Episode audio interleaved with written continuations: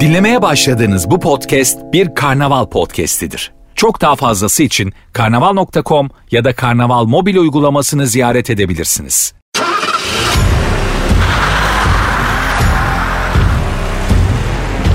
Süreyya İzgi ile Araba Muhabbeti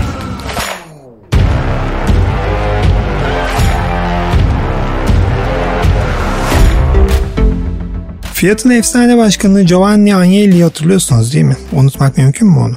Kelimenin tam anlamıyla film gibi bir hayat yaşamış Avrupa Jet Sosyetesi'nin doruğunda yer alan e, büyük patrondu. Adı Fiat'la özdeşleşmiş e, ve İtalya'nın taçsız kralı olarak kabul edilen Giovanni Agnelli 2003 yılında hayatını kaybetmişti ama arkasında bıraktığı hayat eşine pek rastlanmayan rengarenk bir devirdi.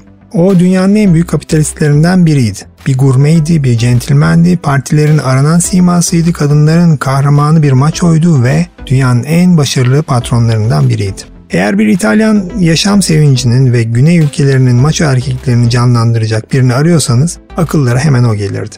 Onun dışında Agnelli tam bir havarda olarak, bir playboy olarak 1950'li yıllardan bu yana global oynuyordu. Gerçekten de o Aristoteles Onassis, Porfirio Rubirosa, Günter Sachs gibi birçok ünlünün dahil olduğu dünya çapındaki sosyetenin tam playboyuydu.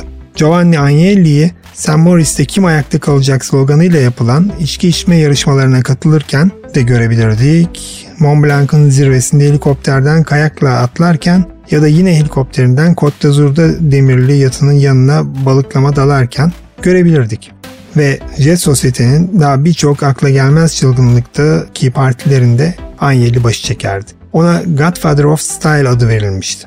Öğleden önce Nice'deki Negresco Otel'de e, şampanyasını yudumladıktan sonra yatıyla bir sahil turu atıp öğleden sonra Torino'ya ya da fiyat yöneticileriyle toplantıya gidebilirdi.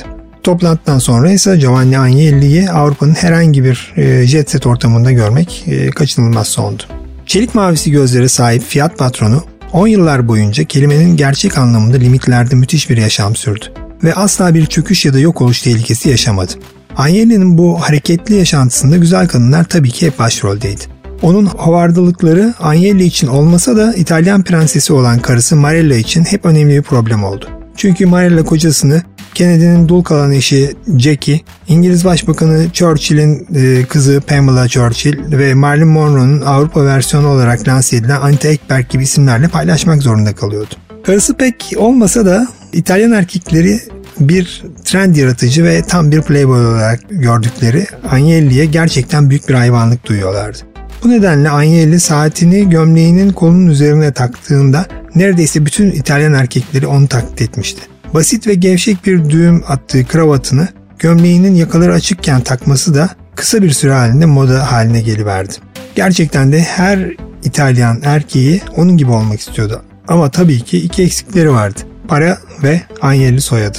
Kadınlar, yatlar, özel jetler ve Ferrari'lerden oluşan bir resimle Agnelli başkalarının gözünde sonsuz bir gençliği yaşıyordu. Bunu yaparken de hayatını öylesine iyi çıkartıyordu ki insanlar onu bir zamanlar elinden kaçırdıklarını almaya, hayattan öş almaya çalıştığını düşünüyorlardı. Aslında Agnelli haksız da sayılmazdı. Çünkü babası ölümcül bir kaza geçirdiğinde Giovanni sadece 14 yaşındaydı. Babasının ölümünden sonra dedesi tarafından yetiştirilen Giovanni Agnelli, aile geleneğinin baskılarıyla şekillendirilmiş bir kariyer için inanılmaz yoğun ve sert bir eğitim dönemi yaşamak zorunda kalmıştı. Bu arada sevgi ve şefkatten yoksun büyümüştü. Giovanni'nin sık sık sevgi hizmetçilere göredir demesi gençliğindeki bu dönemden ne kadar etkilendiğini gösteriyordu. Marella ile yaptığı evlilikte çocukları Eduardo ve Margarita'nın doğumlarına Agnelli'nin bu düşüncesini değiştirmedi. Gerçekten de Giovanni Agnelli'nin gönlünde sadece iki sevgili vardı. Fiat'ın sahibi olduğu Juventus futbol takımı ve Ferrari F1 takımı. Juventus'e daha 1947 yılında başkan seçilmişti. Formula 1 aşkıysa bambaşkaydı. Bilindiği gibi Michael Schumacher'in kırmızı renkli direksiyona oturmasını sağlayan Agnelli'ydi. Hayatı boyunca birçok olayda olduğu gibi bu olayda da bir kez daha haklı çıktı ve başarıyla ödüllendirildi. Benzer bir başarıyı Agnelli 1966 yılında başkan olduğu Fiat ile de yaşamıştı. Çünkü bu akıllı yönetici 1899 yılında kurulan otomobil fabrikasını kısa bir sürede çok yönlü bir teknoloji holdingine dönüştürmeyi başarmıştı. Agnelli döneminde Fiat, uçak üretiminden lokomotif teknolojilerine, sigortacılıktan finans sektörüne, kimyadan emlağa kadar birçok alanda başarıyla faaliyet gösteren bir holding haline gelmişti. Hatta Agnelli, holding bünyesinde La Stampa adlı bir gazetede de kurdu. İtalyan devleti için o kadar önemli bir kişilikti ki Agnelli 1991 yılında İtalyan parlamentosuna ömür boyu senatör olarak atandı. İtalya dışında da birçok insanın kalbini çalan Seicento ve Panda belki de otomobil konusunda en başarılı eserleri oldu.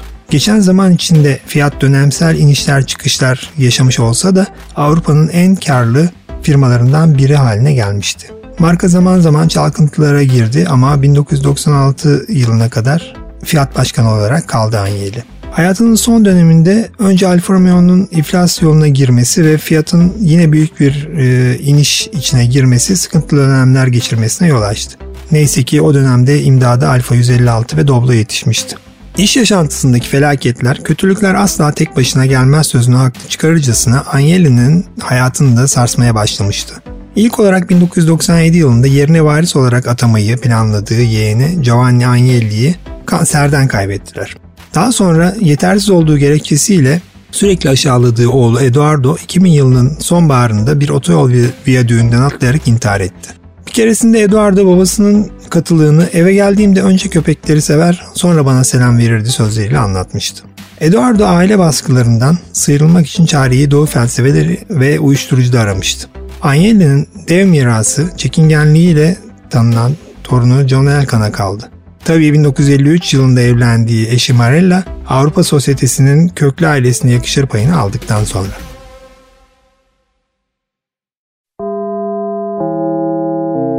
Dinlemiş olduğunuz bu podcast bir karnaval podcastidir. Çok daha fazlası için karnaval.com ya da karnaval mobil uygulamasını ziyaret edebilirsiniz.